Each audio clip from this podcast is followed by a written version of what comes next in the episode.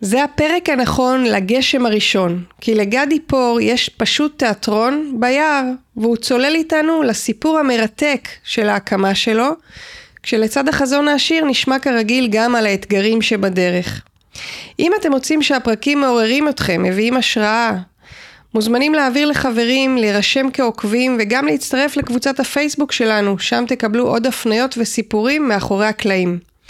הפודקאסט סיפור ירוק בחסות עמותת שינוי אקלים, פרק 40, פתיח וצללנו. אתם מאזינים לסיפור ירוק, אנשים, סביבה, השראה. כאן נפגוש יזמי אקולוגיה מרתקים שהובילו מאבק, הגו רעיון או חוללו שינוי. נהיה בצד של התקווה וההשראה. נתעורר כולנו לאחריות, אכפתיות ושמירה על העולם. אני מאיה הודרן, סופרת, מטפלת בכתיבה, מרצה ופעילה סביבתית, ובאתי להרים אותנו עם סיפור ירוק, פודקאסט אקולוגי אופטימי במיוחד. אז היי לגדי אנדרי פור, שחקן, במאי, מוזיקאי ומנהל אומנותי של פשוט תיאטרון יער. היי, שלום. נתחיל מההתחלה. מההתחלה. מבריאת העולם עם שנת הצהריים. כן. כי כשבאנו לקבוע כאן, אמרת לי שב- שאתה יכול עד 12 ומ-4, כן. ועכשיו, כשרציתי לשתות איתך קפה, אמרת לי שזה לאחרי צהריים, זה לא לעכשיו. אז יש כאן מוסד. כן. אז בוא, בוא נשמע על המוסד הזה. אה, המוסד הזה, אני, אני אוהב לקרוא לו סיאסטה. זה לא אני המצאתי את השם, פשוט יש לו הרבה שמות. אה, אפשר לקרוא לו שנת צהריים, או שלף שטונדה. אה, אבל סיאסטה, אני מתחבר למשהו הספרדי הזה, הפתוח, כי שנץ אה, זה... שנץ זה, זה נשמע- קצת צבאי. זה, זה נשמע צבאי כזה, זה גם נשמע גרמני כזה, יעיל וקצר. זה, כן. כן. יש, ו, ויש יש לי את כל המנעד של ה... של, זאת אומרת, אתה יכול לישון שלוש דקות וגם שעתיים. כן, שלוש דקות זה קצת קצר, אבל אפשר. בצבא ישנו שלוש דקות נכון, לפעמים, נכון, אני נכון. זוכרת שהייתי מכוונת שעון לשלוש דקות. כן, אז יש, יש גם את האופציה הזאת אה, של התרעננות, אה, אבל בגדול החיים שלי בנויים סביב הסיאסטה, שהיא בצהריים איפשהו בין 12 ל-3, שבה היא מורכבת מזה שאני עושה את ההפסקה. קודם כל זו הפסקה. אז בלי קשר דווקא לשינה, ש, שהיא חלק, מרכיב חשוב בתוכה, אבל uh, זו הפסקה שאני מתחיל, אז אני מכין לעצמי ארוחת צהריים, ואז אני הולך לישון. בכל מקרה זה אף פעם לא יותר משעה וחצי, זה בדרך כלל בין חצי שעה לשעה וחצי, ו- ואז אחרי זה יש את ה... אני קם, אני מכין לעצמי קפה. יש את טקס פתיחת היום, מחצית היום השנייה. מחצית היום השנייה, כן, זה מה- שנקרא שניים במחיר אחד. כן. הרווחתי יומיים במחיר של יום אחד. אני זוכרת שכשהבת שלי הייתה קטנה והייתה ישנה צהריים, כן. היא הייתה חושבת, שהיא הייתה קמה, היא הייתה חושבת... שזה יום חדש. שזה כן. נכון. הייתה אומרת, בוקר טוב. כי זה יום חדש, נכון. ואפילו אה, יש איזו איכות אחרת לחצי יום הזה.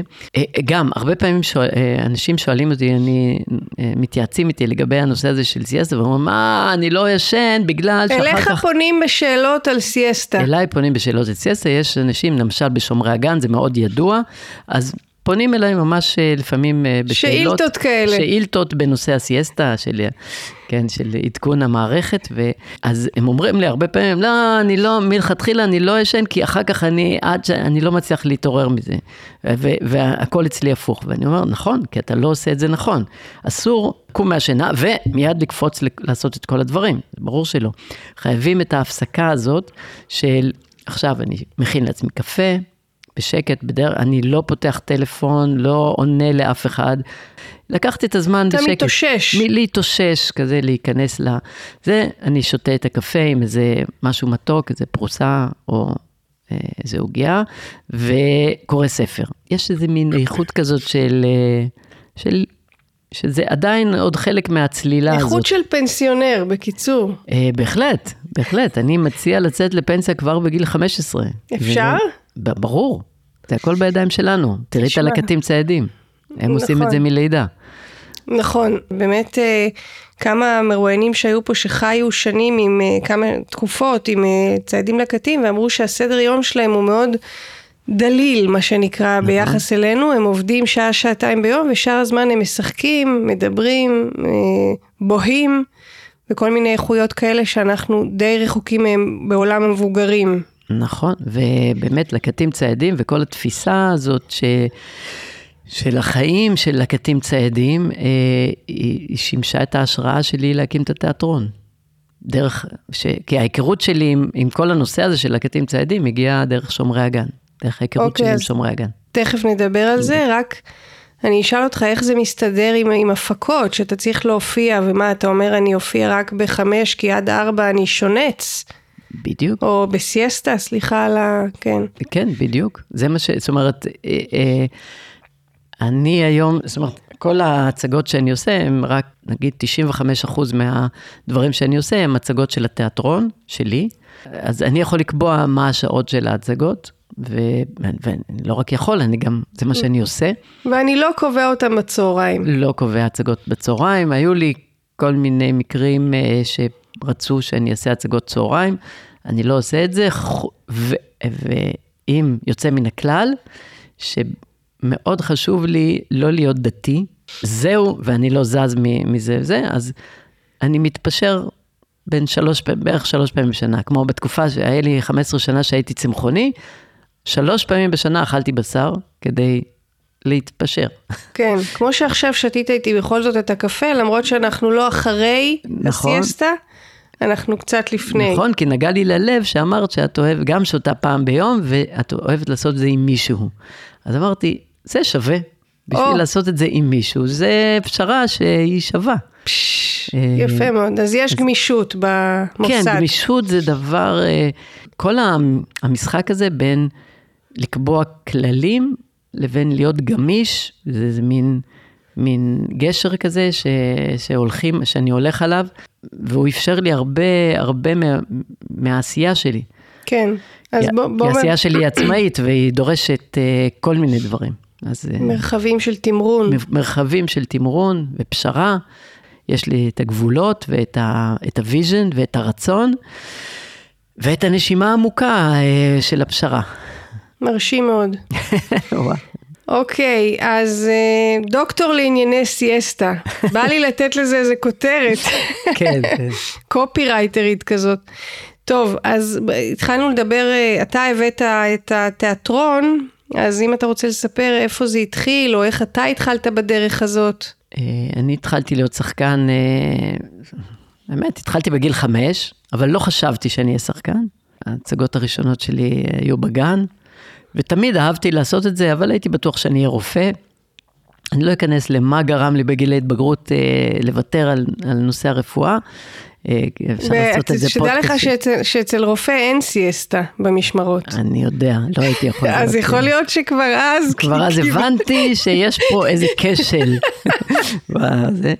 אבל אה, אה, בערך בזמן הצבא הבנתי, בזמן הצבא זה היה תקופה ארוכה יחסית שלא עשיתי בו הצגות, לא עשיתי, כי לפני זה תמיד בבית ספר, בתנועה, אה, תמיד עשיתי הצגות, ואז הבנתי שזה חסר לי ואני רוצה את זה.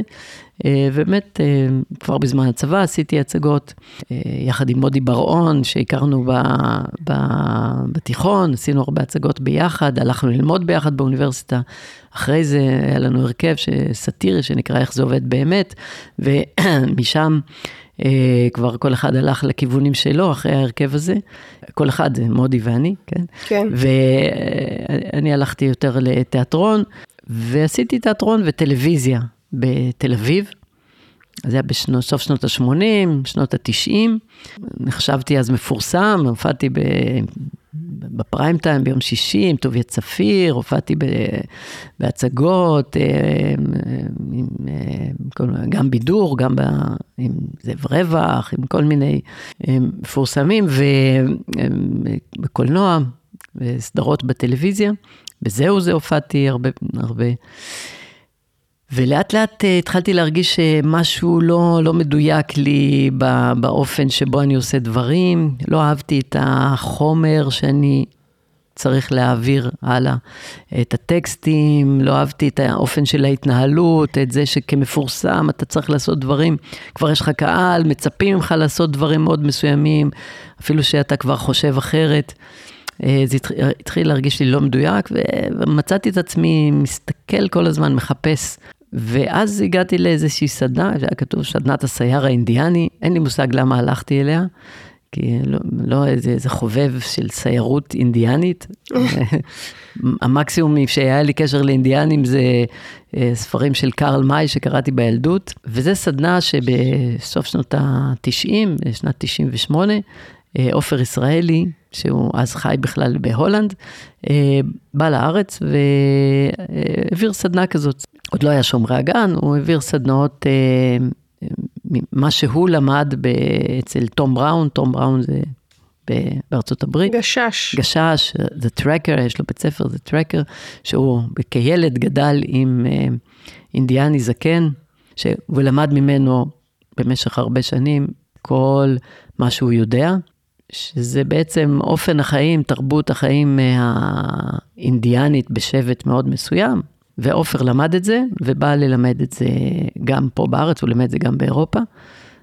ואני הגעתי לסדנה הזאת, ובאופן מפתיע פתאום הרגשתי מאוד בבית, בחיבור הזה שהיה שם בין טבע, בין גוף, אה, נפש, רוח, אדם, אדמה ורוח, אה, מחוברים יחד. כל התרבויות של לקטים ציידים, זה מה שהן עושות. אבל לי החיבור הזה באופן הזה היה חדש, ומאוד התחברתי לזה. שנה אחרי זה עופר הגיע, עשה עוד סדנה, ובאתי אליה, ובשנת 2000, כשהוא הגיע לארץ עם vision של להקים את שומרי הגן, הוא התקשר אליי, אמר, אני עושה קורס שנתי, אתה צריך להיות שם. והסכמתי איתו. ולמרות שהייתי שחקן ולא היה לי שום מחשבה אי פעם להיות מדריך, גם כשעשיתי את הקורס לא, לא חשבתי על להיות מדריך או משהו כזה. זה, זה, זה היה קורס שנתי, קורס מיומנויות חיים, הוא נקרא. והקורס הזה בעצם שינה את כל התפיסה שלי לגבי החיים. הייתי אז בן אה, בעצם 36, 7, כשעשיתי את הקורס. אה, זה גם גיל כזה, לקראת, אה, מה שנקרא, לקראת משבר גיל, גיל 40, 40, שפתאום אתה אומר, רגע, מה, מה אני עושה בחיים האלה? וזה התלבש לי טוב לשם, כי פתאום קיבלתי כלים. vision quest שעשיתי, vision quest זה מסע לגילוי, זה, זה, טכניקה, בכל תרבויות הציידים לקטים קיימת באיזשהו אופן, אצל האינדיאנים זה נקרא vision quest, עושים אותה בדרך כלל בגיל 13, ניסיתי אותה בגיל 39. כן. אה, אבל אה, זה מסע לגילוי הייעוד, כי בתרבויות האלה, אם אין לך ייעוד, למעשה אין לך חיים. זאת אומרת, אין שום סיבה שתהיה בחיים אם אין לך ייעוד. אתה חי בשביל להגשים את הייעוד שהגעת אליו, זה, זה עולם ש, שמכיר בזה שיש אה, אלוהים, שכינה, רוח גדולה, לא משנה, כל, כל אחד קורא לזה אחרת, שהגעת לעולם הזה כ, כחלק מפאזל מאוד גדול, שבו לכל אחד יש תפקיד, אה, וזה הייעוד שיש לך בעולם הזה.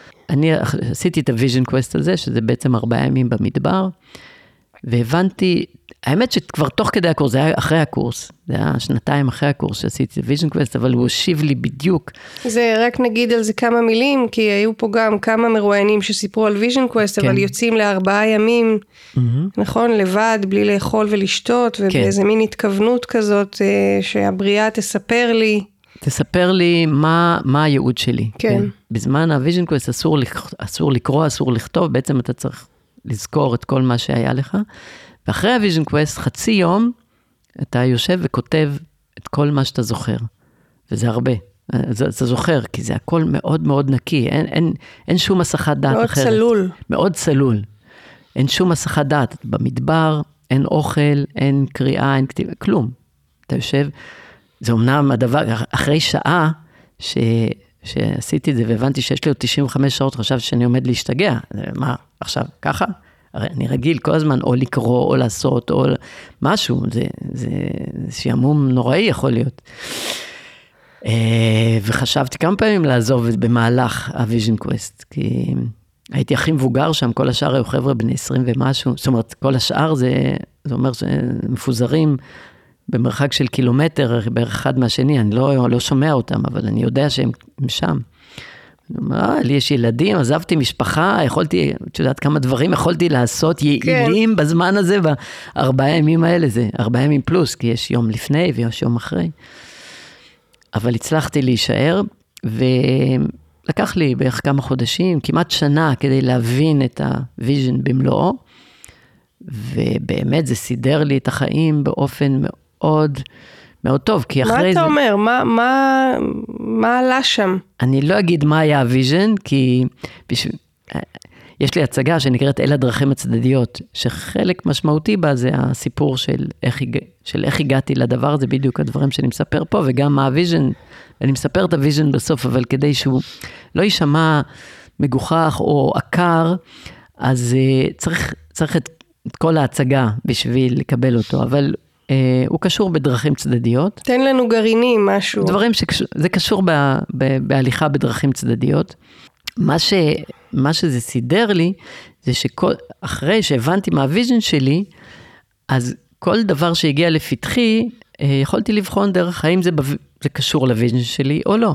אם זה, קשור, אם זה לא קשור ל vision, אני לא עושה אותו. אם זה קשור ל vision, יאללה, אני עושה. זה מסננת נהדרת, כי באמת, הרבה פעמים אה, מציעים לי כל מיני דברים, מגיעים אליי כל מיני דברים, לפי מה אני אבחן אותם? לפי כמה אני מרוויח, אה, שזה הרבה פעמים אה, היה פעם...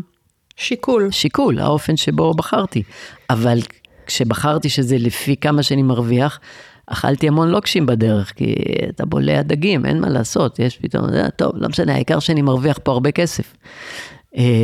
ואז אני עושה דברים שהם לא מרגישים לי טוב בגוף, אבל כשאני בוחר על פי ה vision שלי, אז זה תמיד מסתדר. כי יש ליקום את, ה, אה, את האופן הזה ש, שכש, שכשאתה עושה לפי ה vision שלך, הוא עוזר לך בהכל. זה מדהים, מדהים לראות את זה. בהתחלה לא האמנתי, אמרתי, טוב, אני אנסה את זה, זה נשמע לי הגיוני, אבל מה, לעשות את הדבר הזה, מה זה קשור? זה ה vision, ב vision שלי, אבל זה הכי לא הגיוני בעולם, אין בזה שכר כספי, אין בזה... מה, מה הרעיון בזה? זה, אין לזה עתיד. ואז כשהתחלתי לעשות את זה, פתאום הגיע לזה כל הדברים, כולל השפע הכלכלי, כולל... התיאטרון, ש... תיאטרון היער שאני עושה, הוא הדוגמה הכי, אני לא אוהב להשתמש במילה מטורפת, אבל בהתבוננות אחורה, אה, אפשר לומר על זה בהחלט הדוגמה הכי מטורפת. כן, מה, תגיד, מה? אה, כי לכאורה בעצם, אה, אני עזבתי, עזבתי טלוויזיה, תיאטרון, פרסום, עזבתי את זה בתל אביב בשנת 2007, כדי, עברתי לטבעון יחד עם בת זוג שלי והבת הקטנה, הבנות הגדולות היו כבר גדולות, לא היה לנו כלום בטבעון, כן? הרעיון היה להגיע לטבעון כדי להקים תיאטרון יער, אז כבר הבנתי. היה לי התנסות קודמת, אה, שנתיים קודם, שהתחלתי לעשות הצגה אה, ביער, אה, בעקבות ה vision שהיה לי, הבנתי שאני רוצה לעשות את התיאטרון שלי ביער, אבל מה, מה עכשיו תיאטרון ביער, איך עושים את זה? ואז בעצם עבדתי על ההצגה מומו וגנבי הזמן, שהייתה ההצגה הראשונה, עוד לא היה תיאטרון, היה רעיון לעשות הצגה, ואמרתי, מגניב, נעשה הצגה אחת, אולי שתיים, שלוש, כמה קהל יכול להיות להצגה ביער. אה, ואז עשיתי אותה. אני אפרט אחר כך מה זה אומר הצגה ביער, אבל אה, זה ברור שזה יחסית מעט אנשים, גם אין שום, אין לי מערכת שיווקית, לא יודע כמה אנשים יגיעו לראות את ההצגה הזאת. עשרה אנשים בהצגה, על הבמה, מה שנקרא על הבמה, כן? אה, על האדמה שהיא הבמה. ועשינו את ההצגה, וההצגה הראשונה הייתה סולד uh, אאוט, מה שנקרא, היה 200 איש, שזה מה שהגדרתי כמקסימום שאפשר, שאפשר לעשות בלי הגברה, uh, כדי שישמעו אותנו. ואז אמרתי, אוקיי, מגניב, באו 200 איש, טוב, זה חברים, ואפשר לעשות עוד הצגה, ואז הגיעו עוד ועוד, ו... ועוד אנשים רצו לראות את זה, וגם מאוד מאוד אהבתי את כל ההתנהלות, אהבתי איך שזה נעשה. כדי לעשות את ההצגה הזאת, ההצגה הראשונה הזאת של מומו וגנבי הזמן, עבדנו על זה בערך שנה וחצי, פה חצי יום, שם חצי יום, עבדתי עם... זה הח... נגיד החבר'ה שלקחת לעבוד איתך, זה החבר'ה מתל אביב או... לא, לא. אה, זהו. אה, מכיוון שהבנתי שזה הצגה ביער, זה אומר שמי שצריך לעשות את זה, צריך שיהיה לו נוח, שיהיה לו נוח לחיות ביער. אז בעצם מי שעבדתי איתם זה היו אנשים שהיו בשומרי הגן. אה, רובם המכריע היה אנשים שעשו את הקורס השנתי, שמי שעושה את הקורס השנתי, הוא יודע לחיות ביער באופן שנוח לו. אה, בעצם כל התפיסה בשומרי הגן, כמו התפיסה אצל ציידים לקטים, היא לא של הישרדות, היא לא של בוא נראה איך אנחנו מתגברים, היער הוא מקום קשה, מסוכן, היער הוא הטבע, לצורך כן. העניין יכול להיות גם מדבר. Uh, הטבע הוא מקום מסוכן, קשה, שאני רוכש את המיומנויות של איך אני יכול לשרוד בו, זה לא.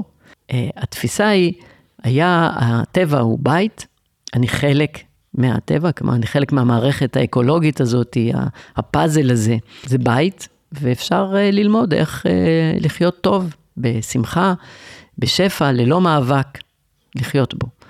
אז uh, זה מה שהקורס הזה הקנה לי, את האפשרות, את, ה, את ההבנה הזאת ואת הכלים האלה, שלדעת איך ליצור לעצמי מחסה, איך למצוא מזון, מים. ואז עבדתי עם אנשים שהם משומרי הגן. חלק מהם הייתה להם אה, התנסות אה, בתיאטרון לפני זה, חלק למדו בתלמה ילין, וחלק לא היה להם שום הכשרה. ובעצם בשנה וחצי האלה עבדתי איתם על זה, בעצם עשיתי את ההכשרה הזאת. אה, אבל הבנו, הבנו, הבנו כולנו שאי אפשר מכמה שעות, אה, או אפילו חצי יום, או יום שלם שהיינו ביחד, לעשות מזה הצגה. ואמרנו, טוב, אנחנו נתכנס בקיץ לשבוע שלם ביער, שבסופו נוציא מה שיהיה אפשר מההצגה, שעשיתי לה את העיבוד של, אה, לסיפור של אה, מיכאל לנדה, מומו, שזה סיפור מדהים, סיפור שממש נוגע בשורש של, ה, של מה שאנחנו עוסקים בו היום, הזמן. ה...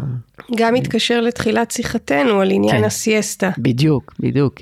הוא מדבר, התמות המרכזיות שם זה זמן, והקשבה, והאנשים האפורים שבעצם גוזלים מאיתנו את הזמן, האנשים האפורים שאגב קיימים בתוך כל אחד מאיתנו, הם לא איזה הם כאלה שלוקחים מאיתנו את הזמן. כן.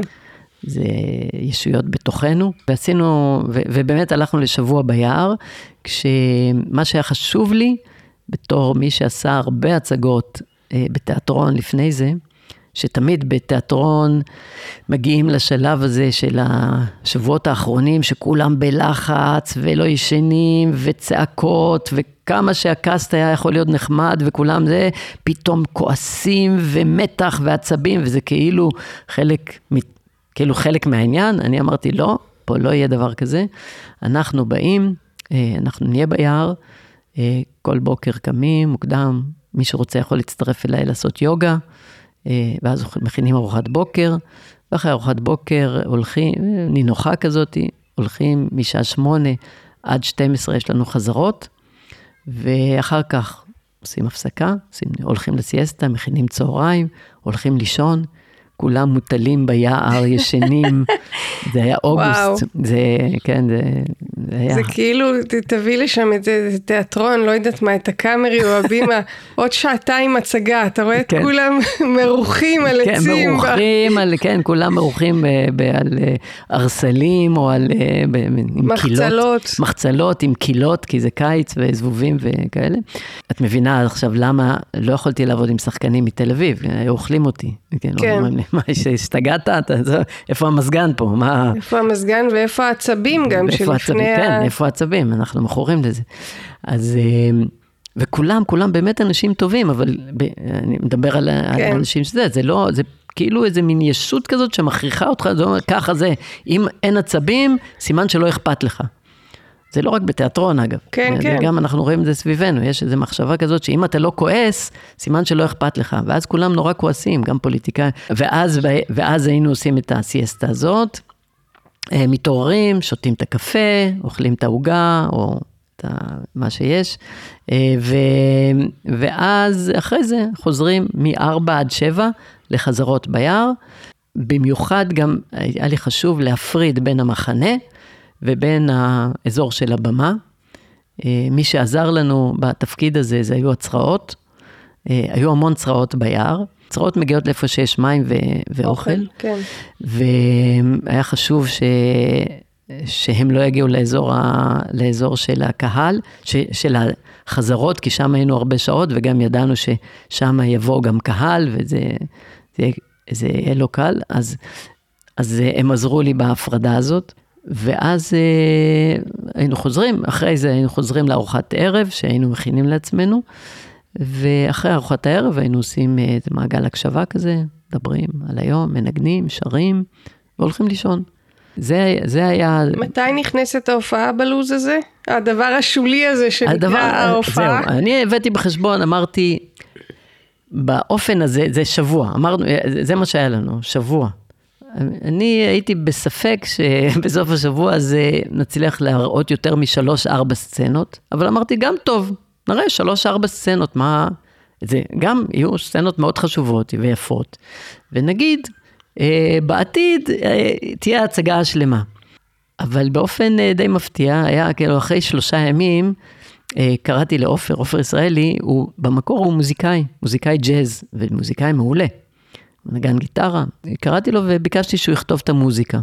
אז הוא אמר, טוב, שיהיה משהו לראות. אה, אחרי שלושה ימים הרגשתי שיש משהו לראות, קראתי לו, אה, הוא בא, ראה רן, כזה שרואים את כל ההצגה מההתחלה עד הסוף, עוד עם טקסטים ביד וכאלה. הוא אמר, אוקיי, הבנתי. ולמחרת הלך הביתה, לא ידעתי, ישב כל הלילה, כתב את המוזיקה, בא למחרת בבוקר עם הגיטרה, עם עוד חלילן ומתופף, הם ניגנו את המוזיקה של ההצגה. עכשיו, וואו. מרגע, כן, פתאום, מרגע שפתאום נהיה משהו שהמוזיקה אספה את הכל, ופתאום זה נהיה, פתאום ראיתי, ו, וגם השחקנים, פתאום הכל נהיה אסוף כזה, ופתאום ראיתי איך יש סיכוי שתהיה כל ההצגה הזאת. פתאום אחרי היום הזה, כולם פתאום ידעו בעל פה. פתאום זה התיישב, עוד סצנות ועוד סצנות נכנסו, ובשבת, כשהגיע הקהל, בארבע אחר הצהריים, הייתה כל ההצגה. וואו. הייתה הצגה, אנשים היו באורות, זה, זה הקהל אני לא תיארתי לעצמי שהם יגיבו ככה, אנשים באו אליי בדמעות, זה ההצגה הכי טובה שראיתי בחיים. מה אתה אומר? עכשיו, שתביני, זה אנשים שחלקם, זה היה פעם ראשונה שהם שיחקו אי פעם, ופתאום הבנתי את הדבר הזה, ש... שזה הכוח, זה חלק גדול מהכוח של התיאטרון עד היום, שכשיש אנשים שהם מגוי, הם חשוב להם להגיד את הדבר הזה, כולם שם עשו את זה, את השבוע הזה באוגוסט, שזה מאוד קשה להיות ביער, גם למי שהיה בשומרי הגן, כן? זה לא, לא קל. חם מאוד, מעל 30 מעלות כל יום, עם צרעות ויתושים וזבובים, ו... אבל היה חשוב לכולם לספר את הסיפור הזה, וכשאתה קהל ואתה צופה באנשים שאומרים משהו שגם לך חשוב פתאום, ו- ואתה רואה את, ה- את, ה- את התשוקה שלהם, אז זה יותר חשוב ממקצועיות, שהלכה ו- ו- ונהייתה יותר ויותר עם השנים לתיאטרון, כן, אבל אז אולי היא לא הייתה הצד הכי חזק של ההצגה, של מומו וגנבי הזמן. לא, אבל יש כאן עוד הרבה דברים אחרים, כי למשל מה שאתה מספר על זה שאתה שחררת את התוצאה. אתה יודע, זה בדיוק ההפך מתיאטרון. נכון, מה, נכון. מה, מהתיאטרון הקלאסי, כי התיאטרון הקלאסי עובד על פי התוצאה. נכון. יש, אה, קודם אתה- כל יש הצגה, משלמים כרטיסים, כן. יש זה, אולם, הכל סגור. עכשיו בוא נראה איך מתארגנים לקראת הדבר הזה. כן.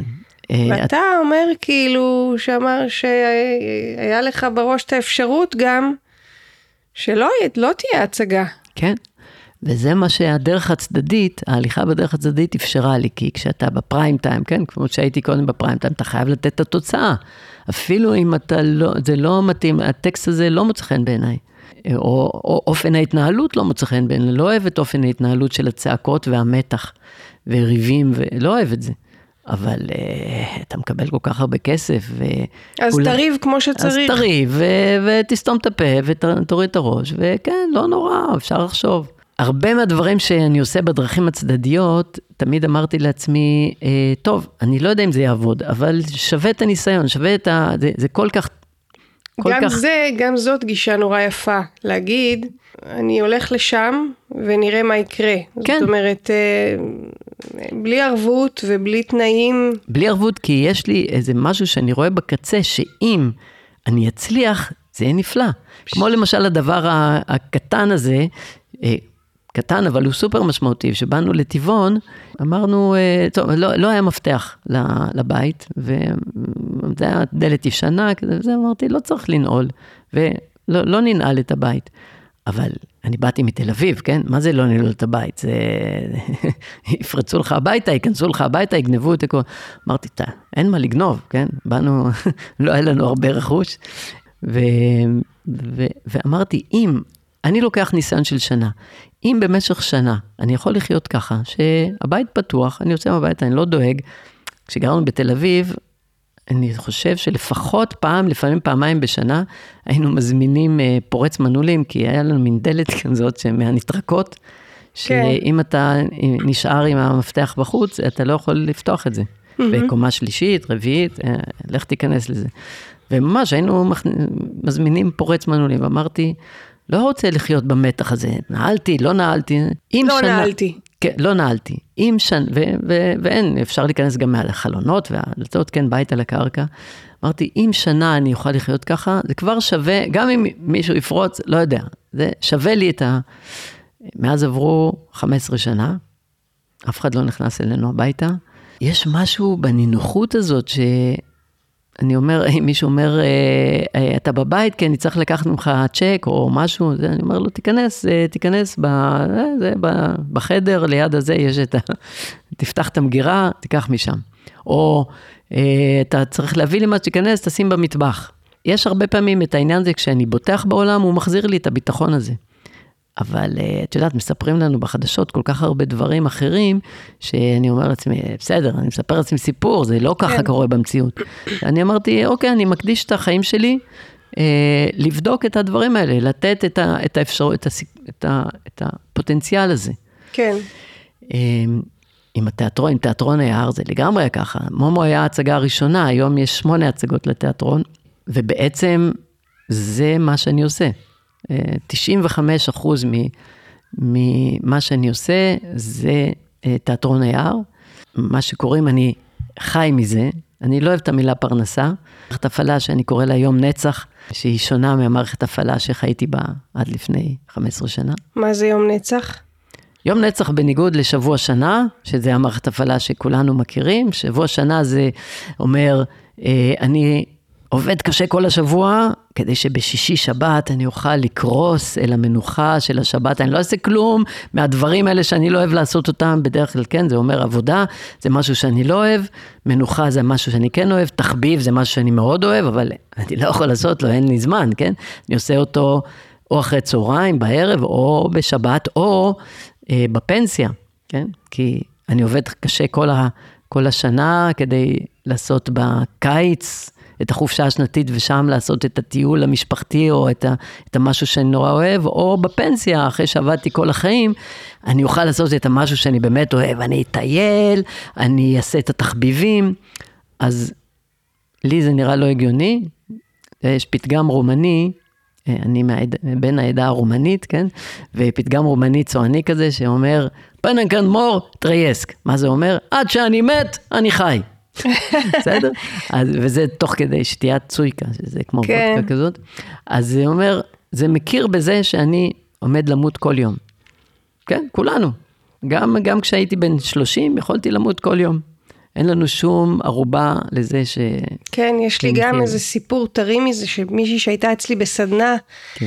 בשנה שעברה, שהגיעה אחרי שגם כל החיים היא ובעלה עבדו מאוד מאוד קשה, ותכננו שבפנסיה הם יחיו את החיים, וברגע שהוא יצא לפנסיה התגלה אצלו סרטן, איי. והוא מת. והיא היום באבל מאוד מאוד גדול, על, גם על החיים שהיו, גם על המוות שלו, וגם על התוכנית הזאת שלא תצא לפועל כפי שהיא דמיינה. כן, אני מכיר כמה כאלה, זה מאוד עצוב. כן. אז אני הרגשתי אה, עוד הרבה לפני, בגיל, אה, הייתי בן 30 ומשהו, שמשהו פה במערכת ההפעלה הזאת לא נכון, זה לא הגיוני לי. אה, ואז אני שיניתי את, ה, את, המר, את המרכז משבוע שנה ליום נצח. אה, אם אני חי את היום במלואו, שאין בו עבודה, יש בו רק מלאכה, כי עבודה זה בא מעבדות, מלאכה זה בא משליחות, מלאך זה שליח, זאת השליחות שלי, זה הייעוד שלי, אני חי את הייעוד שלי, אה, ואז כל יום אני חי את הייעוד שלי, אני עושה את התחביב שלי, מה שנקרא, את הדבר שאני מחבב, את הדבר שאני אוהב לעשות. אני עושה את זה דרך תיאטרון, כי יכולתי לבחור את, ה, את אותו ייעוד לעשות גם uh, דרך דברים אחרים, זה לא חובה דרך התיאטרון, כן? הייעוד שלי הוא לא להיות שחקן תיאטרון, הייעוד שלי קשור, קשור באופן מסוים בדרכים הצדדיות, אבל הוא, אני אוהב לעשות תיאטרון. כן. בא לידי ביטוי באופן הכי מלא שמה. אני מרגיש טוב שם, אני, אני, אני יוצר קשר עם אנשים, אני מצליח להשפיע ולהביא את, ה, את ה vision שלי לאנשים. אז אני אוהב לעשות את זה, זה טוב לי, ולעשות את זה ביער. אז, אה, אז ככה אני עושה את זה. תגיד משהו על עניין המקום, באמת, היער. אה, האם זה יוצר משהו אחר בתיאטרון, זה שזה כן. שם דווקא? כן, זה הרבה דברים. קודם כל, יש ליער, טוב, אני אומר בכוונה יער, למרות שלפעמים אני לא עושה את זה ביער, לפעמים זה, זה בעיקרון בטבע, כן?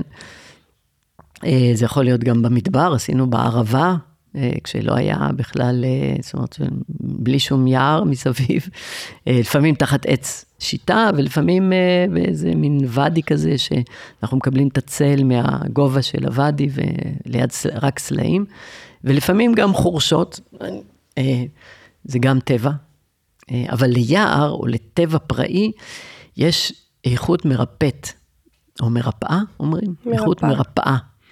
אה, איכות של התמרה. אני רואה מה קורה כשאני עושה את ההצגה ביער, וקהל מגיע ובכוונה, אני, אה, עם, עם הרבה כוונה, יש לי שם אה, לעשות את מקום החנייה כזה שהם יצטרכו ללכת חמש, שבע, אפילו עשר דקות ברגל, כדי לעבור את ה...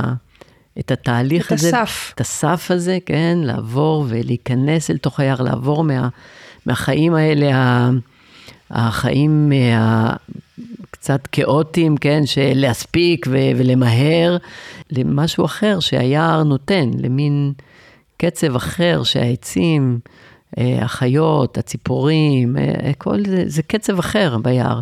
פתאום אתה רואה את הקהל נכנס לאיזושהי אנרגיה אחרת. אני בכוונה גם לא מאפשר אה, שום דבר אחר. זאת אומרת, הרבה פעמים אומרים לי, טוב, יש את ההצגה, אבל חוץ מזה, בוא תעשה איזה סדנה לפני זה, איזה פעילות, איזה משהו, אולי תמכור אה, כל מיני דברים.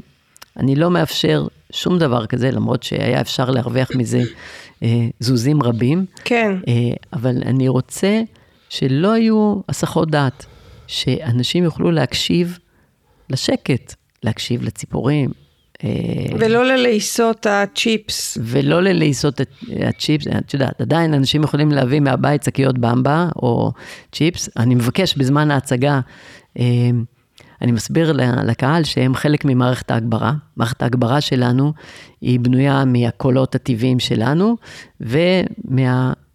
מהקהל, מהיכולת הקשבה של הקהל, ומזה שהקהל שומר על שקט, אני מבקש לא לאכול מתוך שקיות מרשרשות, כי עוד שקית ועוד שקית עושות המון רעש. כן. אמ, אבל כן, יש איזשהו, איזשהו תדר אחר, שהוא לא תדר של קניות, אי אפשר לקנות עוד דברים, גם, גם לא אוכל. זאת אומרת, היה אפשר לשים שם דוכנים לאוכל טבעי ובריא ונהדר, אבל זה עוד קניות. אני לא רוצה לאפשר את זה, ולכאורה מין שעמום קל כזה, כן? חלילה, חווים, חלילה. חלילה להשתעמם, כן. והשעמום הזה, כמו השעמום שאני חוויתי במשך 96 שעות ב vision quest, הוא מוליד אה, איזשהו מין אפשרות להתבונן, להקשיב באמת. אנשים, הקהל הקבוע של התיאטרון, ויש קהל קבוע לתיאטרון, מקווה שאני אספיק לדבר על זה אחר כך, על העניין של לבוא שוב ושוב להצגה, תזכירי לי. Okay. אה, אוקיי. אז הקהל הקבוע של התיאטרון, אה, קודם כל הם כבר באים, את רואה, מאורגנים, עם הקופסאות של אוכל, כי אני מציע להם להישאר, לבוא, להישאר לארוחת ערב אחרי ההצגה, בדרך כלל ההצגות הן אחר הצהריים, כשהחום יורד, אז הם אה, באים עם האוכל, והילדים משחקים, משחקים ביניהם, יש לי, לפעמים מביאים קלפים, לפעמים, אה, לפעמים פשוט משחקים, פשוט הולכים, אתה רואה ילדים, ממציאים משחקי דמיון. הצוות של מומו, זה מאוד חזק לראות את זה. הצוות של מומו, אה, אנחנו הרי באים עם ההצגה שלנו ביום שבת אחר הצהריים, בארבע אחרי הצהריים בדרך כלל, אז אנחנו מגיעים יום קודם, באחת בצהריים ביום שישי. כל הצוות, שזה אה, עשרה אנשים, על משפחותיהם. כשהתחלתי את ההצגה כולם היו רווקים ורווקות, רק לי הייתה ילדה שהייתי ביתה, אבל אריאל הייתה קטנה, אה, אבל, אה, ואז כולם אה, גדלו ונהיו עם בעלי משפחות וילדים, ועכשיו אנחנו בערך 25 אנשים במחנה הזה. וואו. עם בני זוג, לפעמים בני, לפעמים בני זוג וילדים. לא כולם תמיד באים עם, עם כל המשפחה, אבל הרבה פעמים כן. וכל הילדים האלה שמתינוקות צמחו אל תוך ההצגה הזאת, היום יש ילדים שהם בגיל ההתבגרות כבר, ילדים בני 14-15, אה, לצד ילדים אה, אה, קטנים. הם נמצאים כל הסוף שבוע הזה, כל התהליך הזה, והם משחקים אחד עם השני. כל, זה, זה, זה המשחקים שלהם. עכשיו, חלק מהמשחקים שלהם זה, זה לשבת, הם ראו את ההצגה עשרות פעמים, כן? יש ילדים שראו את ההצגה באמת עשרות פעמים, ואז במהלך הסוף שבוע הזה אנחנו גם עושים חזרות. וזה מצחיק לראות שכשאנחנו עושים חזרות, הם באים לראות את החזרות, ואני אומר להם, עכשיו רק חזרות, ההצגה מחר. והם יושבים ובוהים בחזרות כאילו זה הצגה עכשיו. הם יושבים ומסתכלים, ו... וכאילו הם ראו את זה פעם כאילו ראשונה. כאילו ראו את זה פעם ראשונה. ואחר כך אני רואה אותם משחקים ביניהם, ואז הם משחקים, אני אדון אפור, והם משחקים את האדונים האפורים, משחקים דמויות מתוך ההצגה. או שאתה רואה ילדים קוראים ספרים, משחקים שחמט. שני ילדים משחקים שחמט וכל השאר אה, מסתכלים עליהם, איך הם עושים. יושבים בערסלים, מדברים, משוחחים אחד עם השני. משהו מאוד רגוע. מאוד רגוע, קרוב, קרוב לדבר הזה, של, דבר הזה שמספרים, אלה שחיו בשבטי ציידים לקטים, של מעט שעות שבהם משיגים את האוכל, והרבה שעות של... אה, שהייה. שהייה. ו... ואתה גם מתייחס בעצם, כי שאלתי אותך איך היער מרפא, ואתה מתייחס לשחקנים ולצוות כמו שהוא חלק, כאילו אין הבדל כל כך בינו ובין הקהל בעניין הזה. בדיוק, אני, בדיוק, נקודה יפה שעלית אליה, כי אני אומר, הקהל, כשההצגה מתחילה, כאילו, כן, כשהקהל יושב, אני אומר, אתם בטח חושבים שהגעתם להצגה מומו וגנבי הזמן, אבל הגעתם לחלק האחרון של ההצגה, ואני רואה את כל העיניים, כולם בלחץ, מה זאת אומרת? פספסנו. פספ... פספסנו. אני אומר, אבל זה החלק שפתוח לקהל, כי ההצגה התחילה אתמול בצהריים, כשהגענו לפה, ובעצם כל התהליך הזה הוא חלק מההצגה. מבחינתי, כל התהליך הזה שהתחיל ב-2003, כן, הוא חלק מההצגה.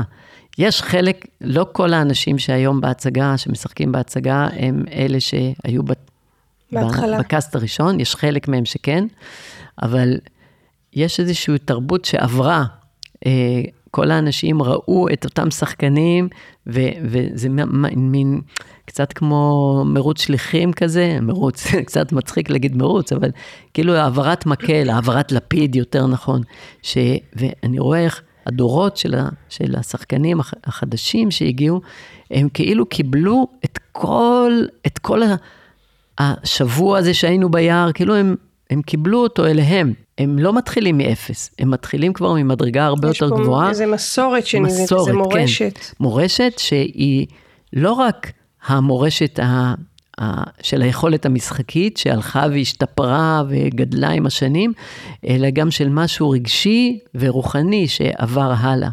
נכון להיום יש גם שחקנים אה, בתיאטרון ש, שהם גם למדו משחק, ויש כאלה שאחרי שהם היו אצלי, אה, בקבוצה הזאת הלכו ללמוד משחק, אבל אני עדיין, עדיין מערבב אה, כי מאוד, אה, אני מאוד אוהב את, ה, את הערבוב הזה, את, ה, את הדבר, הרבה פעמים אנשים פונים אליי ואומרים, אני רוצה לשחק, רואים את ההצגה ואומרים, וואו, זה חלום, אני רוצה לשחק במומו, מה צריך לעשות?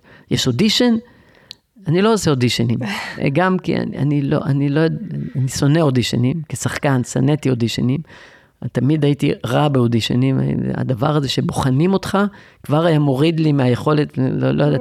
ברור. זה, זה, ו, וגם אה, מבחינתי, האודישן, אני אומר, בוא, תבוא, תהיה איתנו. קודם כל, תראה, היו לא מעט אנשים שבאו וחוו את הדבר הזה, וזה היה להם יותר מדי. חוו רק, רק להיות איתנו. אני אומר, קודם כל, רק תבוא איתנו לשישי שבת כזה. תרגיש מה זה.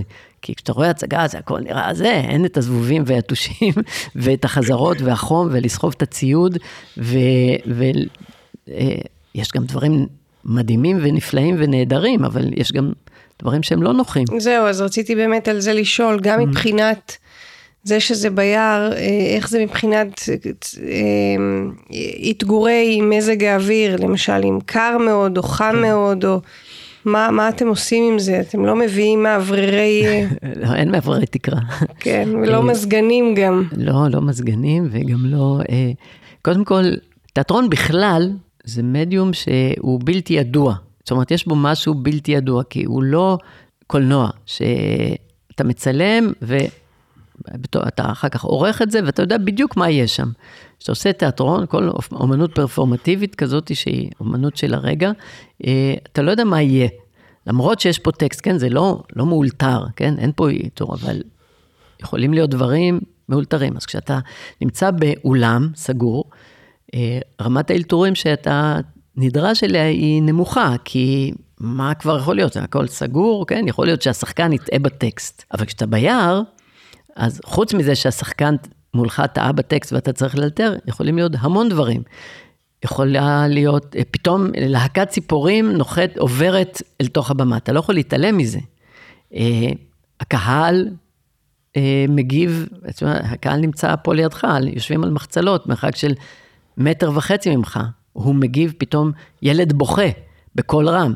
אתה לא יכול להתעלם מזה. אתה צריך לבחור כשחקן, האם עכשיו להתייחס לזה או לא, תלוי בסצנה. עובר אה, מטוס, עוברים אה, שיירת אופנועים עוברת. אני צריך להפסיק, כי לא שומעים אותי. אה, המון דברים, כבר מזה, יש, יש פה המון דברים בלתי ידועים. אני אני כבר אפילו לא מדבר על זה שכשאני קובע את ההצגה, אין לי מושג כמה קהל יבוא, כן? זה כבר... למה? אז... כי המכירה היא לא מראש? זה רק לאחרונה, מאז הקורונה, התחלתי לעשות מכירה מראש. עד תקופת הקורונה, זה היה מין דבר כזה שביקשתי מאנשים להירשם מראש כדי לא לעבור את המכסה של 200 איש, שזה מה שקבעתי אה, שאפשר לעשות בלי הגברה, כדי שישמעו אותנו. אה, ולפעמים אנשים היו נרשמים, ולפעמים הם לא היו נרשמים, ולא ידעתי כמה אנשים יגיעו. אי אפשר היה לדעת, יכלו להגיע 200 איש ויכלו להגיע שלושה. הייתה פעם הצגה, לא של מומו, הצגה אחרת של הזמיר וקיסר סין, שפרסמנו וירד גשם לפני ההצגה, אז אנשים היו בטוחים שביטלנו את ההצגה. ואז הגיעה רק אימא עם הבת שלה. אנחנו שלושה אנשים בצוות, והיא אמרה, אה, טוב, אז אני מבינה שזה מבוטל. אמרתי לה, לא, למה? את הגעת, ואנחנו אוהבים לעשות את ההצגה. אז, וואו. אז עשינו את ההצגה לאימא ולבת שלה. בהתחלה הם היו קצת במבוכה, כי כאילו, מה, בשבילנו זה, זה, זה, אבל, אבל כאילו, אוקיי, למה לבטל? אנחנו אוהבים לעשות, אנחנו פה כבר, היינו ביער, האוויר היה נעים, אחרי הגשם, היה מדהים, ועשינו את ההצגה.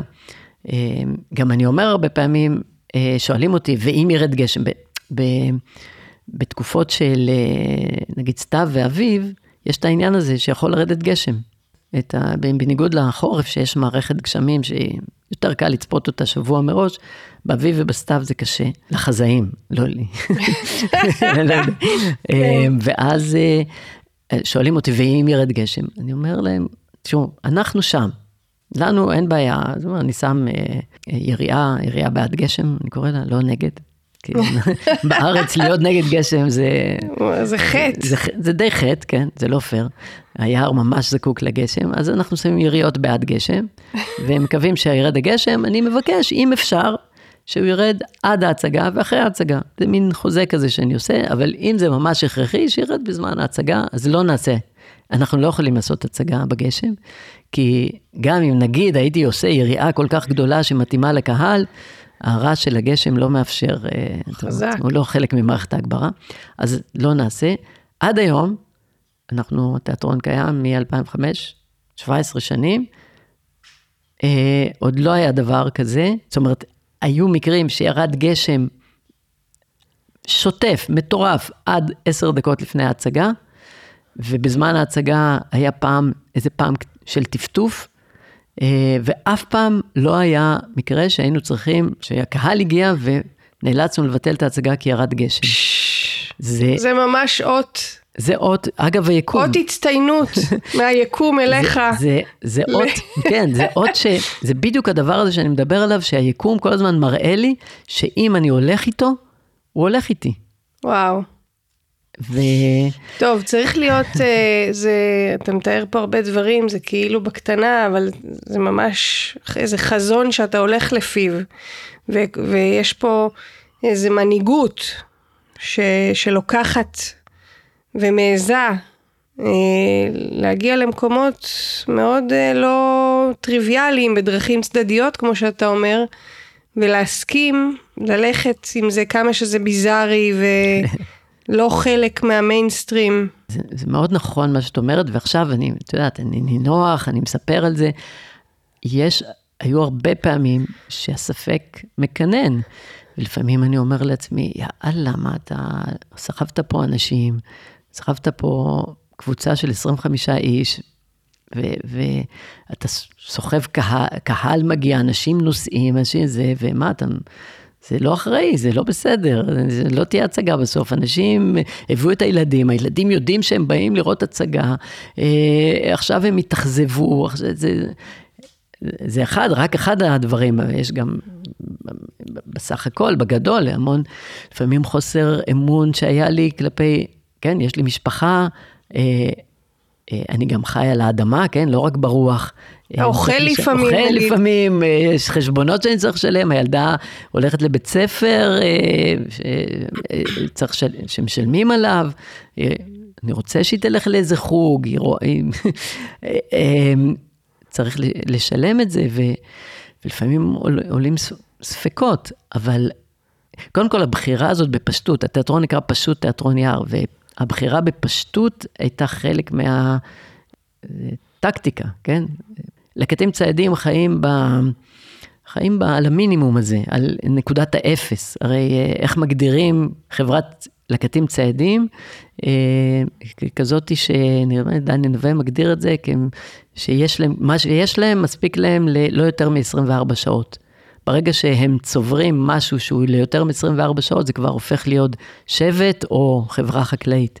ושבט, בניגוד לחברת לקטים ציידים, זה כבר התפתחות.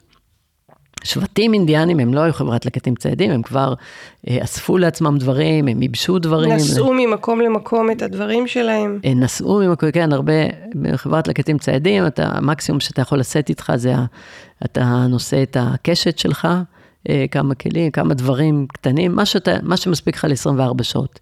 זה טראסט מאוד גדול ביקום. ואני לא חייתי ככה, לא חייתי כמו לקט צייד, אבל ניסיתי לגייס את הטראסט הזה ולהגיע לפשטות הזאת, לחיות, ב, לראות מה המינימום שאני כן יכול לחיות איתו בחברה הזאת שאני נמצא בה, אה, ולחיות במינימום, והמינימום הזה אפשר לי אה, את כל מה שעשיתי.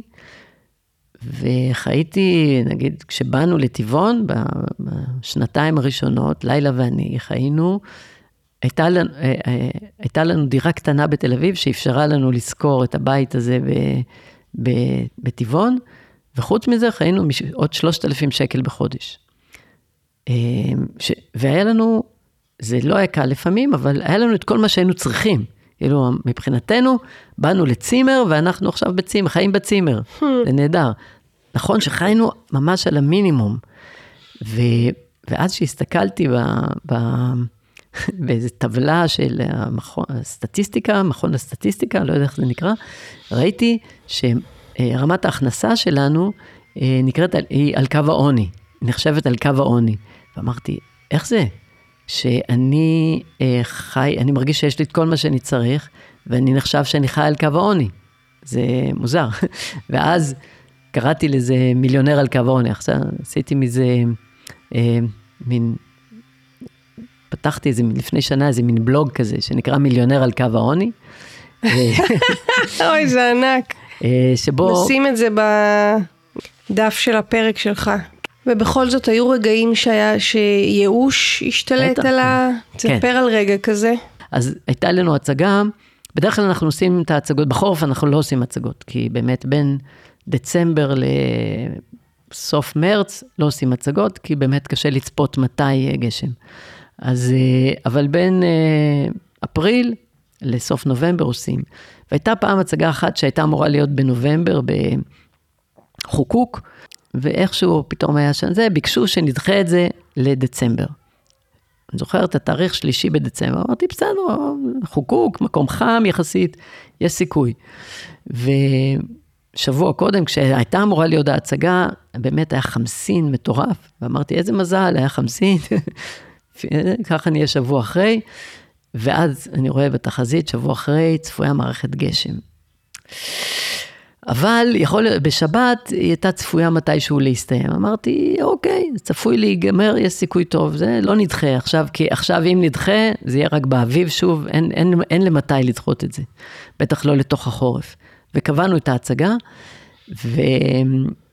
ואנחנו, יש תחזית שביום שישי שאנחנו מגיעים, הולך להיות גשם מטורף. ולא ירד עוד גשם, אנחנו מגיעים, אני אומר, חבר'ה, חבר'ה, הגענו אחת בצהריים, קדימה, לשים יריעות, כי יש תחזית לגשם מטורף. סיימנו לשים את יריעות הגשם, התחיל מטר מטורף, באמת, באמת גשם מטורף, שלא נפסק. שעה, שעתיים, שלוש, אנחנו מתחת ליריעה, מכינים ארוח, ארוחת צהריים, מתארגנים. בדרך כלל אחרי הצהריים אנחנו עושים את החזרות, ויתרנו על חזרות, כי מתחת ליריעה הזאת, בסדר, אמרנו, טוב, אז נעשה בלי חזרות. ממשיך לרדת גשם, באה אליי הבחורה, מ... שירלי, הבחורה מ... מחוקוק, שהיינו איתה בקשר, היא אמרת לי, טוב, אני מבינה שמודיעים לקהל שאין הצגה. אמר, אמרתי לה, תשמעי, אה, אנחנו רק יום שישי, יכול להיות שמחר, שבת, 11 בבוקר, אה, כן תהיה הצגה. אה, היא מסתכלת עליי, מחייכת עליי בחיוך כזה, טוב, בחור אופטימי, בסדר, סבבה. אה, מגיע אחרי צהריים, ערב, הגשם לא מפסיק, פה ושם מפסיק לאיזה חצי שעה, ממשיך, וכל החבר'ה אומרים לי, טוב, אז אה, מחר בבוקר נקום ומקפלים ונלך, נכון? ויש כאלה שאמרו, אולי כבר ניסע היום, חבל, כל הלילה בגשם. אמרתי, לא, לא, לא, יש, כבר התחיל להיות לי ספק. אבל שאולי אני פה גורר את כל האנשים האלה. אבל אמרתי... ללילה בסערה. ללילה בסערה, תחת ני, יריעת גשם, ניילון כזה, לא נורא נעים, די קר כבר. אה, ילדים, תינוקות, אומרים, כן, כולם, אה, את יודעת, מתארגנים איכשהו. זה. ו... ואז אה, הלילה אנחנו מדליקים מדורה, שוכחים, כבר מתחיל, אני רואה את האנשים קצת מסתכלים עליי, ואני מרגיש... אה, אולי זה לא פייר מה שאני עושה פה, כי באמת, אני סוחב את כולם, וגם אני עצמי אמרתי, בשביל מה, מה יש? תוותר, תשחרר את ההצגה הזאת, שכולם ילכו. אנחנו קמים בבוקר, אי אפשר להדליק אה, הכל, זאת אומרת, הצלחנו לישון בלילה, כל הלילה ירד גשם, וכולם, ברור להם שאנחנו מקפלים את הציוד והולכים, כי... אז בואו רק נשתה תה, להתחמם קצת, אי אפשר, יורד גשם, אי אפשר להדליק מדורה. הדלקנו, יש טכניקה להדליק מדורה בגשם, אבל נרטבנו לגמרי, שני, שניים שעשינו זה נרטבנו לגמרי. זה היה מגניב, לראות מדורה בגשם, עושים, שתים, כולם תה, כולם שותים את התה, אומרים יאללה בואו נאכל את ארוחת בוקר ונקפל, ואני אומר להם לא, לא, חבר'ה, ואני כבר אומר את זה וקצת בחוסר ביטחון, אה, חבר'ה, בואו, חיכינו עד עכשיו, בואו, הצגה ב-11, מה... ואני רואה שכולם כבר, טוב. בסדר, זה כזה, הם, חלקם דווקא היו בעניין, אבל באמת זה לא נעים להיות בבוץ, באמת, היה המון בוץ, יילדים, לפעמים בוכים. אה, והרגשתי קצת ייאוש, ש... שגם על ה... כאילו קצת חוסר אחריות, כאילו ייאוש בכלל מכל הדבר הזה, מה זה התיאטרון הזה ביער, בגשם, די, די, בשביל מה? כן. בקיץ סבלתי מהיתושים.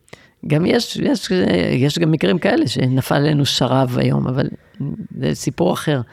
ו, ובא, הגיע, אנחנו יושבים, שותים תה, ארוחת בוקר, מגיעה אלינו שירלי, רואה אותנו, אומרת, וואו, אתם יכולים, כל הכבוד. אתם עוד פה. אתם עוד פה, אני כל הלילה אני ישנה בבית ואומרת, אוי, מסכנים, מסכנים, למה לא אמרתי להם, למה לא אמרתי להם לבוא אליי, וזה. למרות שתחת היריעה היה בסדר גמור, באמת, לא, לא נרטבנו. אמ, והיא אומרת, טוב, אז אני מודיעה לאנשים. אמרתי, לא, לא, לא, עכשיו, היא מתחילה לצחוק, היא אומרת, מה לא, לא, לא, תראה, יורד גשם. אני אומר, כן, אבל אולי ב-11, ואני ממש מרגיש כמו, קצת כמו שוטה הכפר, כאילו, ממש כעל סף פיגור שאני אומר את זה, אבל, אבל אני אומר, באמת, איפשהו אמרתי לעצמי, טוב, כולם אומרים, בסדר. כולם כבר מתחילים באמת לעשות את הארגונים, כאילו, הקמנו את הבמה והכל, ואת מה שצריך, אבל כולם גם, במקביל, גם מארגנים את הציוד שלהם להתקפל. ואז קצת הגשם, תשע וחצי, הגשם מתחיל לרדת, אני אומר, חבר'ה, בואו נתלבש, ושנהיה מוכנים. כולם מתלבשים, והגשם מתחיל... זורמים איתך, חבר'ה זורמים איתך. זורמים איתי, אין ספק. זורמים איתי, אבל אני קצת ככה, אה, לא, לא, לא, לא נורא מרגיש בנוח, לא, לא מרגיש בנוח, באמת, באמת מרגיש קצת ייאוש. ואז בעשר וחצי מפסיק הגשם. מפסיק. השמיים מתחילים להתבהר. שירלי מתקשרת אליי, אה, אה, אה, מה, מה להגיד לאנשים? אמרתי לה שיבואו. וברבע ל-11 מתחילים לזרום אנשים, לאט לאט. וב-11 ועשרה, כאילו, חיכינו קצת שהבוץ כן, יתייבש. באמצע, רק אני חייב לציין, עוד כשהיה גשם ב-10, מתקשרים אליי אנשים בטלפון. כי הגיעו גם אנשים לא מהקיבוץ. אומרים, אה, אנחנו בצומת גולני, יש פה גשם מטורף, אה, להסתובב או לבוא? אמרתי להם, אה, תראו, המדיניות שלנו היא ש... וכשאמרתי את זה הרגשתי, מה זה, מה זה, כאילו, על סף הפיגור. תראה, המדיניות שלנו אומרת שאם בזמן ההצגה אין גשם, אז אנחנו עושים את ההצגה. אז אני שומע איזה מין שהות כזאת מעבר לטלפון, כולם שומעים אותי באוטו וכמה מצחקקים, והאימא אומרת, אוקיי, אז אנחנו באים, כבר אנחנו פה. אה, זהו, ו...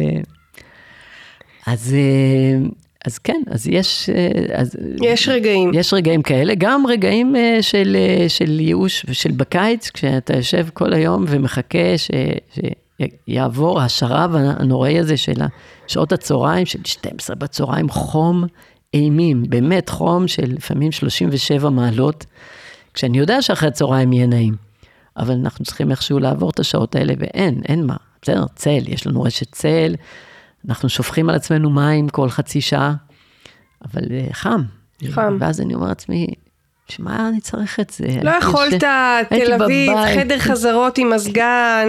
כן, אה, כל כך... פינת הלבשה, באמת. כן. למה תמיד להסתבך? למה להסתבך? למה הדרכים הצדדיות? תעשה, מה הקטע? מה יש? מה חסר היה לך שם? ואני זוכר מה היה חסר לי שם. הניתוק הזה, החלל הזה בלי חלונות, שאתה לא יודע מה קורה בחוץ, שאתה...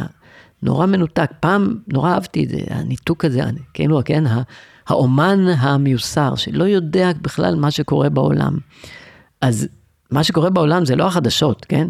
מה שקורה בעולם זה הבני אדם שמסתובבים, זה הציפורים, זה, ה, זה, זה העולם, כן? מה שקורה בחדשות זה חלק ממה שקורה בעולם. זה עשרה אחוז או חמישה אחוז ממה שקורה באמת בעולם. זה החלק המטורף.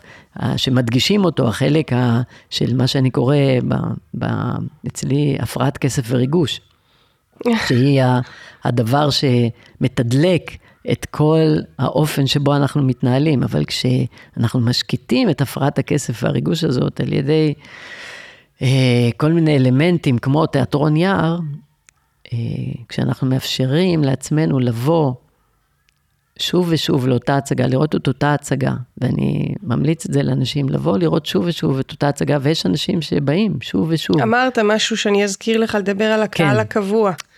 כשיש, אה, בזמנו הייתי ביפן, אה, לפני הרבה שנים, הייתי בן 30 ומשהו, עוד, אה, זה סיפור ארוך, אבל הייתי ביפן, ושלושה חודשים, והלכתי לראות שם תיאטרון קבוקי. תיאטרון שכשהייתי באוניברסיטה, שלמדתי באוניברסיטה משחק, למדתי גם את התיאטרון קבוקי, ועניין אותי לראות את זה, וראיתי את זה. זו הצגה שהיא נמשכת שש שעות. מאוד, מאוד מגוונת, זה, אבל... ואז מדי פעם, זה, זה אולם רגיל, אה, גדול, 800 מקומות, ומדי פעם השחקן, אחד השחקנים עושה משהו על הבמה, בשפה שאני לא מבין, יפנית, כן?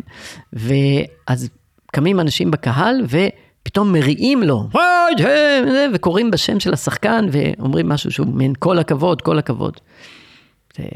אחרי שזה קרה כמה פעמים, אה, זה עניין אותי ושאלתי את אחד האנשים שככה קרא בקול רם, בן אדם מבוגר, שאלתי אותו, מה זה הדבר הזה? כי יש, יש כמה הפסקות ב, לאורך השש שעות האלה. מזל.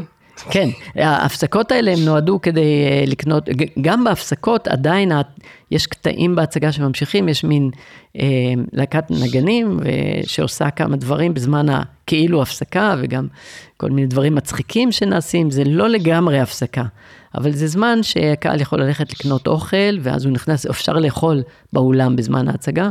כל מיני דברים כאלה, סושי וכל מיני דברים, אה, ולשתות. אה, ואז שאלתי את ה... זה, מה זה הדבר, מה זה הקריאות האלה?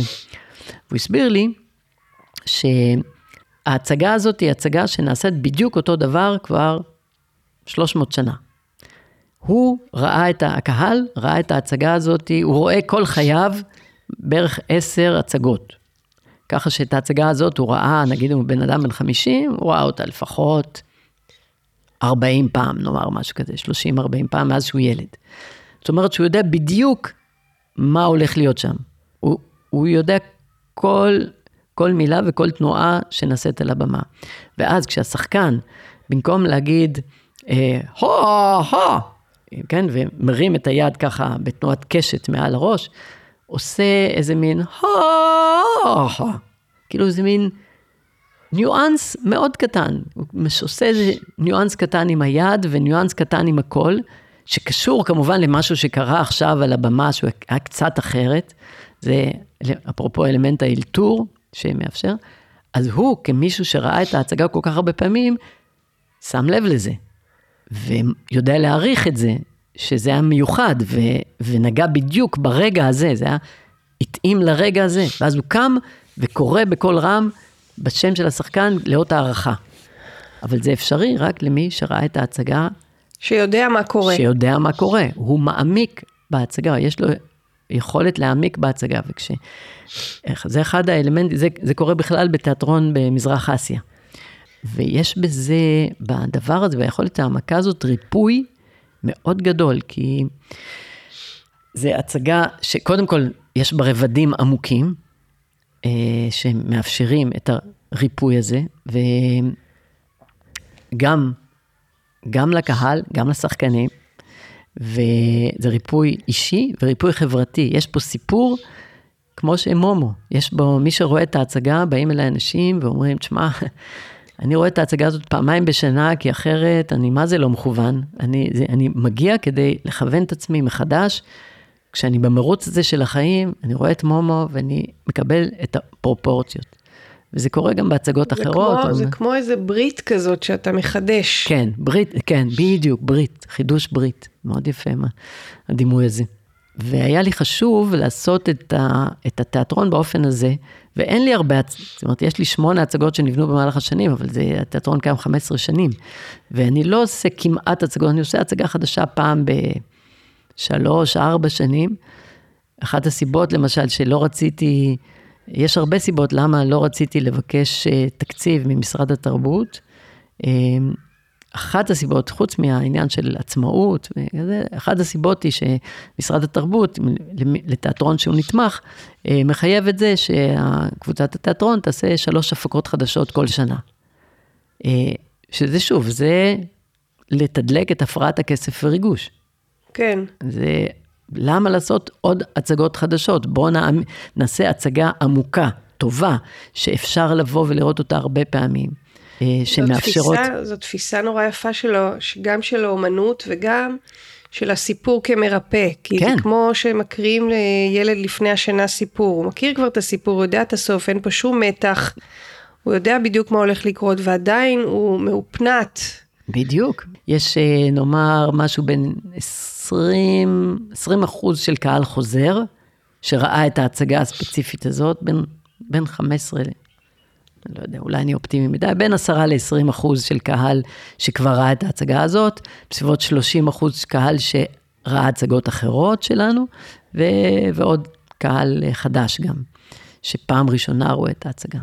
אבל אני רואה את, ה- את הילדים שחוזרים שוב ושוב, ומבחינתם, הם יכולים לראות את ההצגה שוב ושוב, זה רק ההורים שאומרים, טוב, מה יש לכם חדש? אה, ואני אומר, אה, אין, זה, זה מה ש... זה, אלה ההצגות שלנו. זה גם מאוד אמיץ, בתור מנהל תיאטרון, להגיד, אה, אין לי חדש, יש לי רק ישן וטוב. כן, אבל את האומץ אני, אני עוזר אומץ, כי היקום קורץ לי ואומר לי, אני פה איתך, הכל יהיה בסדר. יהיה בסדר, כמו שהיקום לימד, אני, אני, הוא אמר לי, תשמע, זה לא התפקיד שלך להרוויח כסף, זה התפקיד שלי. אתה תעשה את הייעוד שלך. את הכסף, או זוזים, כמו שאני קורא להם, כי כסף זה, יש לי עניין עם מילים, כן? אני איש תיאטרון ומילה. אה, כמו שעבדות, עבודה זה מעבדות, אז כסף זה משהו שאתה נחשף אליו, אז אבא שלי כבר אמר לי, אף פעם אל תרוץ אחרי אוטובוס ואחרי בהורות. כן, כן. כל מה שאתה רודף אחריו בורח ממך. אז כל מה שאתה נחשף אליו הוא מתרחק. אז אה, אני לא, אז כסף זה אז דבר אומר- כזה. אז לא, אני, יש לי זוזים. אה, זוזים, התפקיד שלהם להזיז אותי ממקום למקום, לאפשר לי לזוז, אני ככה יכול לזוז ממקום למקום, ומזכיר לי את זה שזוזים זה משהו שזז. עכשיו הוא בכיס שלי, עכשיו אני מעביר אותו אלייך, את תעבירי אותו לשמוליק, שמוליק יעביר אותו להילה, הילה תעביר אותו אליי, אופס, מגיע אליי בחזרה. זה תפקידו לזוז, לא להישמר אצלי בתוך, בתוך הכספת. כן. ו- ולא לזוז, הוא משהו אנרגטי, זה אנרגיה. וכשיש לי זוזים, אז... אה, וזה התפקיד של היקום, להביא לי את הזוזים, והוא מה זה מביא לי... אם בהתחלה, אני אומר לך ש... ש... כן, כשהקמתי את התיאטרון ובשנים הראשונות היינו על קו העוני, היום יש לי שפע כלכלי באמת יוצא מן הכלל. באמת, באמת, אני... מאז, גם לפני הקורונה, מאז הקורונה זה בכלל, פתאום אנשים הבינו את ה... את ה זה, זה נתן להם איזושהי פרופורציה ואת הצורך הזה של להיות בטבע ו, ולראות דברים פשוטים ולחיות את הפשטות הזאת. ו, והכמות של האנשים שרוצים, שקונים, או, או מוסדות, או יישובים שקונים, קהילות שקונים הצגות, או קהל שמגיע להצגות, כל החודשים האחרונים ש... ש... אני אומר, מיד אחרי הקורונה, בשנה שעברה, היו לי רק הצגות מכורות, מה שפעם היה מרכיב של 20 אחוז מה, מההצגות של התיאטרון, היה לי 100 אחוז, רק מכורות, לא יכולתי לעשות הצגות בקופה פתוחה. כל הזמן אנשים אמרו, מתי אתה? אמרתי, אין, אין מתי. והשנה שיש כן אפשרות בקופה פתוחה, הרבה מאוד הצגות הן סולד אאוט.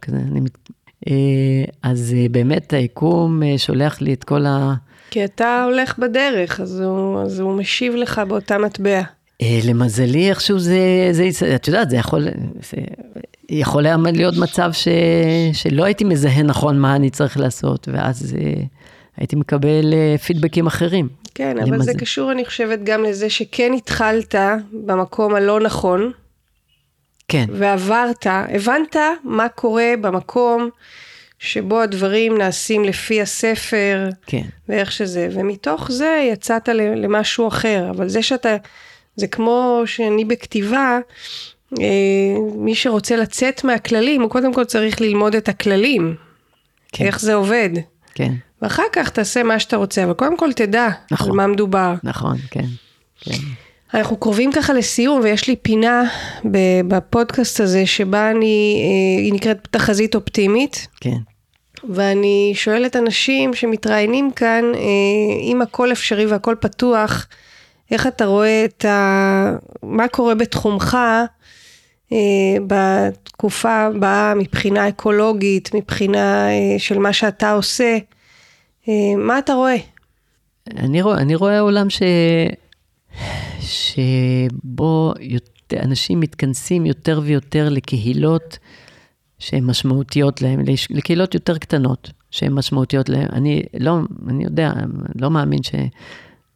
או מאמין שלא נחזור, המדינה אולי לא תבוטל, כן?